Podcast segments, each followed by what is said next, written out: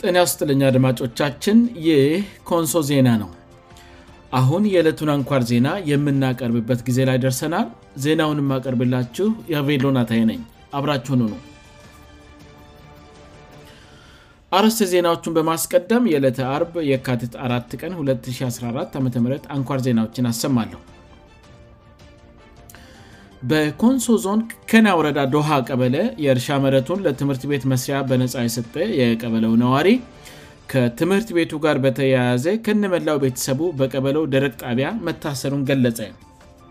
የጤና ትምህርት ብቃት መለኪያ ፈተና ከወሰዱ ተመዛኞች 30 በመ0 ብቻ እንዳለፉ ታወቀ በምረዝመው የፑቲንና የማክሮን የውይይት ጠረጴዛ ዙሪያ ሩሲያ ማብራሪያ ሰጠች አሁን ዜናውን በዝርዝር አሰማለሁ በኮንሶዞን ከና ወረዳ ዶሃ ቀበለ የእርሻ መረቱን ለትምህርት ቤት መስሪያ በነፃ የሰጠ የቀበለው ነዋሪ ከትምህርት ቤቱ ጋር በተያያዘ ከነመላው ቤተሰቡ በቀበለው ደረግ ጣቢያ መታሰሩን ገለጸ ከሰ ዓመት በፊት በከና ውረዳ ዶሃ ቀበለ ለተገነባው የሽለመና 1ንኛ ደረጃ ትምህርት ቤት መስሪያ የእርሻ ምረታቸውን በነፃ የለገሱት አቶ ካራቶ ካስማ የተባሉ የቀበለው ነዋሪ ከትምህርት ቤቱ ጋር በተያያዘ ከነመላው ቤተሰቡ ከአንድ ሳምንት በላይ በእስር ላይ እንደሚገኝና እስካሁንም ፍርድ ቤት እንኳን አለመቅረቡን ለኮንሶ ዜና ይድረስልኝ መንግስትም ካለ ይስማኝ በማለት በላከው ቅሬታ አስታወቀ ለእስሩ መንስ የሆነው ከትምህርት ቤቱ አጥር ጎን በሳቸው እርሻ በኩል የሚያልፍ የእግረኛ መንገድ በትምህርት ቤቱ ተማሪዎች በሚታጠርበት ጊዜ መንገዱ መታጠር የለበትም እሱ ከታጠረ የትምህርት ቤቱ ግቢ አካል ከተደረገ ለእግረኛ መንገድ ሌላ አዲስ መረት ሊያስፈልግ ይችላል በምል የቤተሰቡ አባላት ተማሪዎቹን በመከልከላቸው ሙሉ ቤተሰቡ መታሰሩን ና እሳቸውም ከሄዱበት የግል ጉዳያቸው በቀጣይ ቀን ማለትም ጥ 28 ቀን 2014 ተመልሰው ቤተሰቡን ጥየቃ በሄዱበት እሳቸውም ተይዘው በደረግ ጣቢያው መታሰራቸው በቅሬታው ተገልጿል ለአንድ ሳምንት ያህል ከመላው ቤተሰቡ ጋር ከታሰሩ በኋላ የሦስተኛና የአራተኛ ክፍል ተማሪዎች የሆኑ ለአካል መጠን ያልደረሱ ህፃናት ልጆቹ ዛሬ ለፈተና ሲባል መፈታታቸው የተገለጸ ቢሆንም እሳቸውና ባለቤታቸው አሁንም በቀበለው ደረቅ ጣቢያ እንደታሰሩ ናቸው ተብሏል የሰራቸው የቀበለው አመራሮች ጉዳያቸውን ለፍርድ ቤት እስካሁንም ባለማቅረባቸውና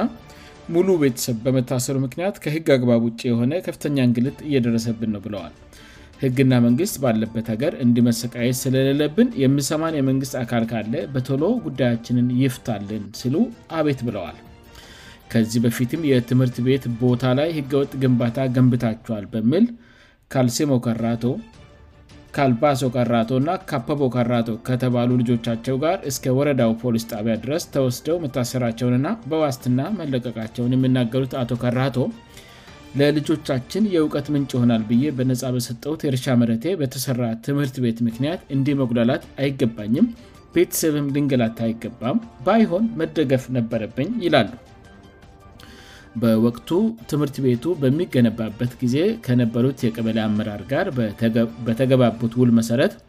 ለህዝብ አገልግሎት የሰጡት መረት ተለክቶ የእውቅና ሰነድ እንደሚዘጋጅላቸውእና ለወደፊት መንግስት ለህዝብ በሚያደርጋቸው ጥቅማጥቅሞች ለቤተሰባቸው ቅድሚያ እንደምሰጥ ቃል ተገባላቸው ቢሆንም እስካሁንም መረቱን በአግባቡ አለመለካቱን እንደተባለው ምንም ጥቅማጥቅምም አለማግኘታቸውንም ተናግረዋል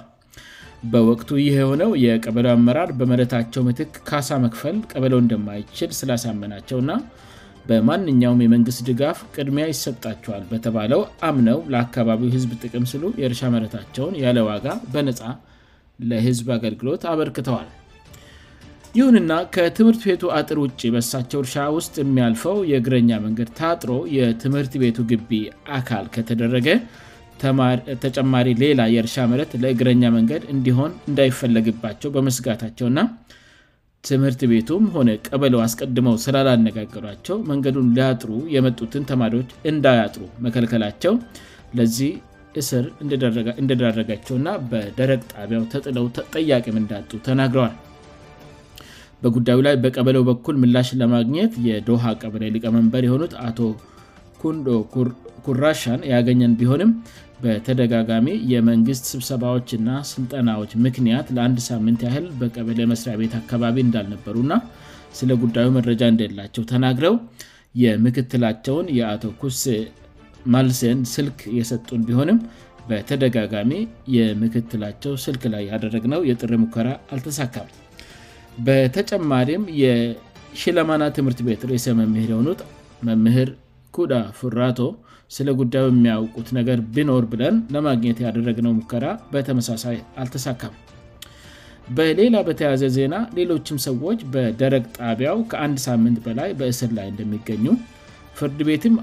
አለመቅረባቸውንእና በዋስትናም አለመፈታታቸው እየተገለጸ ይገኛል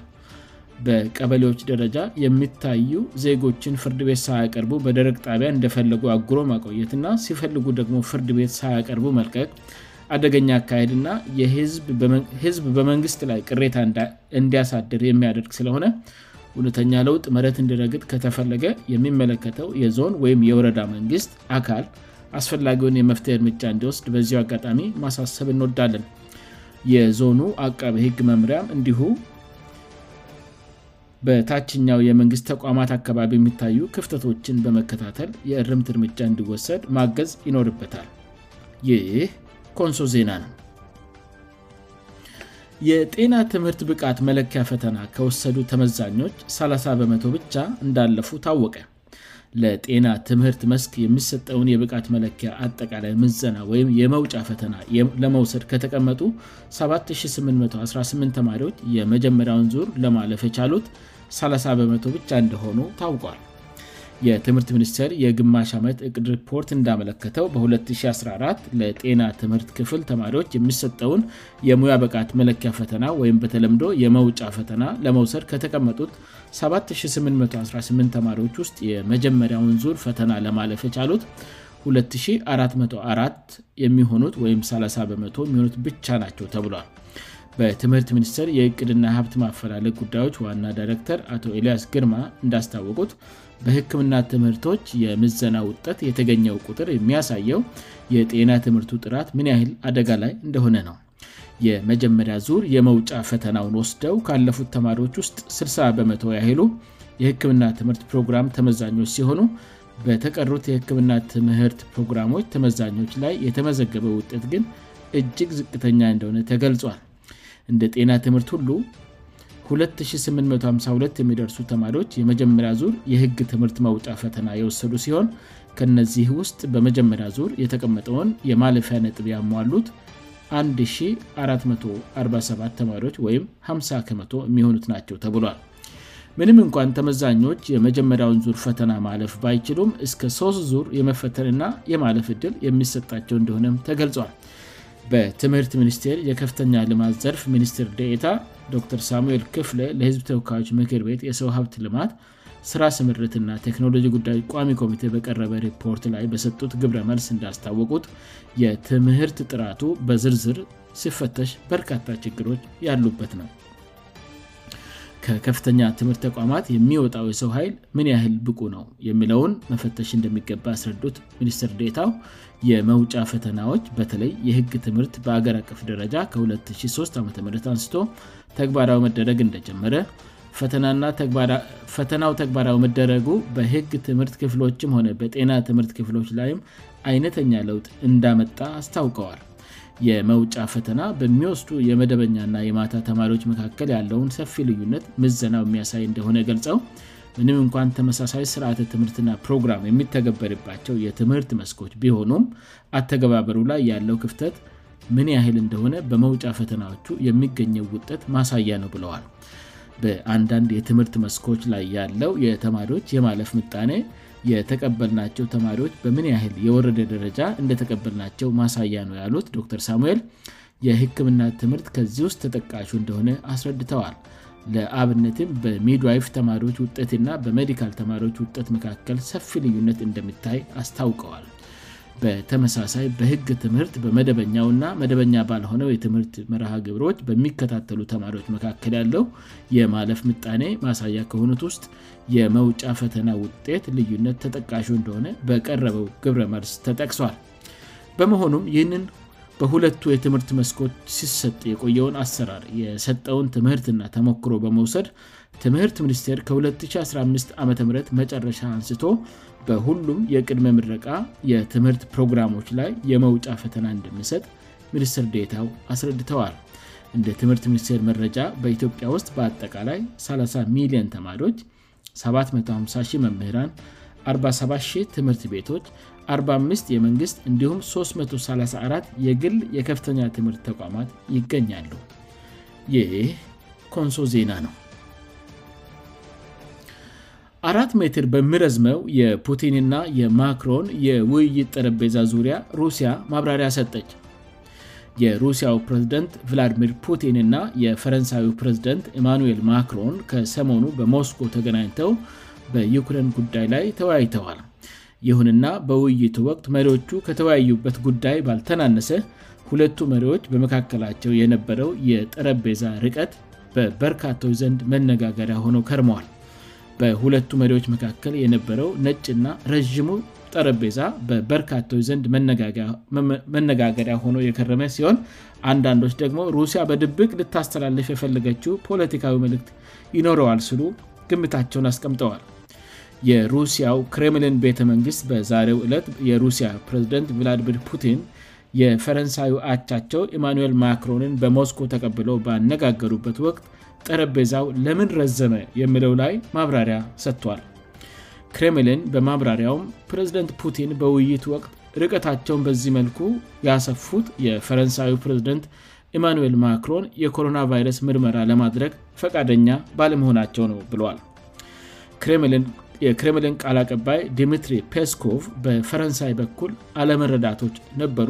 ሆኖም ግን እርምጃው የተወሰደው የፕሬዚደንት ፑቲንን ጤንነት ለመጠበቅ ነው ብለዋል ጠረጴዛው በዚህ መልኩ መርዘሙ ምንም አይነት ፖለቲካዊ አለመሆኑንና በሁለቱ መሪዎች መካከል የነበረው ውይይት ላይም የፈጠረው ጫና እንዳልነበረም ቃልአቀባዩ አስታውቀዋል ይህ ኮንሶ ዜና ነው አድማጮቻችን ዜናውን ከማብቃቴ በፊት አርስት ዜናዎችን በድጋሚ ያሰማለሁ በኮንሶዞን ከና ወረዳ ዶሃ ቀበለ የእርሻ መረቱን ለትምህርት ቤት መስሪያ በነፃ የሰጠ የቀበለው ነዋሪ ከትምህርት ቤቱ ጋር በተያያዘ ከነመላው ቤተሰቡ በቀበለው ደረቅ ጣቢያ መታሰሩን ገለጸ የጤና ትምህርት ብቃት መለኪያ ፈተና ከወሰዱ ተመዛኞች 30 በመቶ ብቻ እንዳለፉ ታወቀ አራት መትር በሚረዝመው የፑቲንና ማክሮን የውይይት ጠረጴዛ ዙሪያ ሩሲያ ማብራሪያ ሰጠች ዜናው በዚያ በቃ አድማጮቻችን የዕለቱ አንኳል ዜናዎቻችን ይህን ይመስሉ ነበር ስላዳመጣችውን እናመሰግናለን ከሆንሶ ዜና ሰኞ ምሽት በተመሳሳይ ሰዓት እንደሚጠብቁ ተስፋ ያደርጋል እስከዚያውም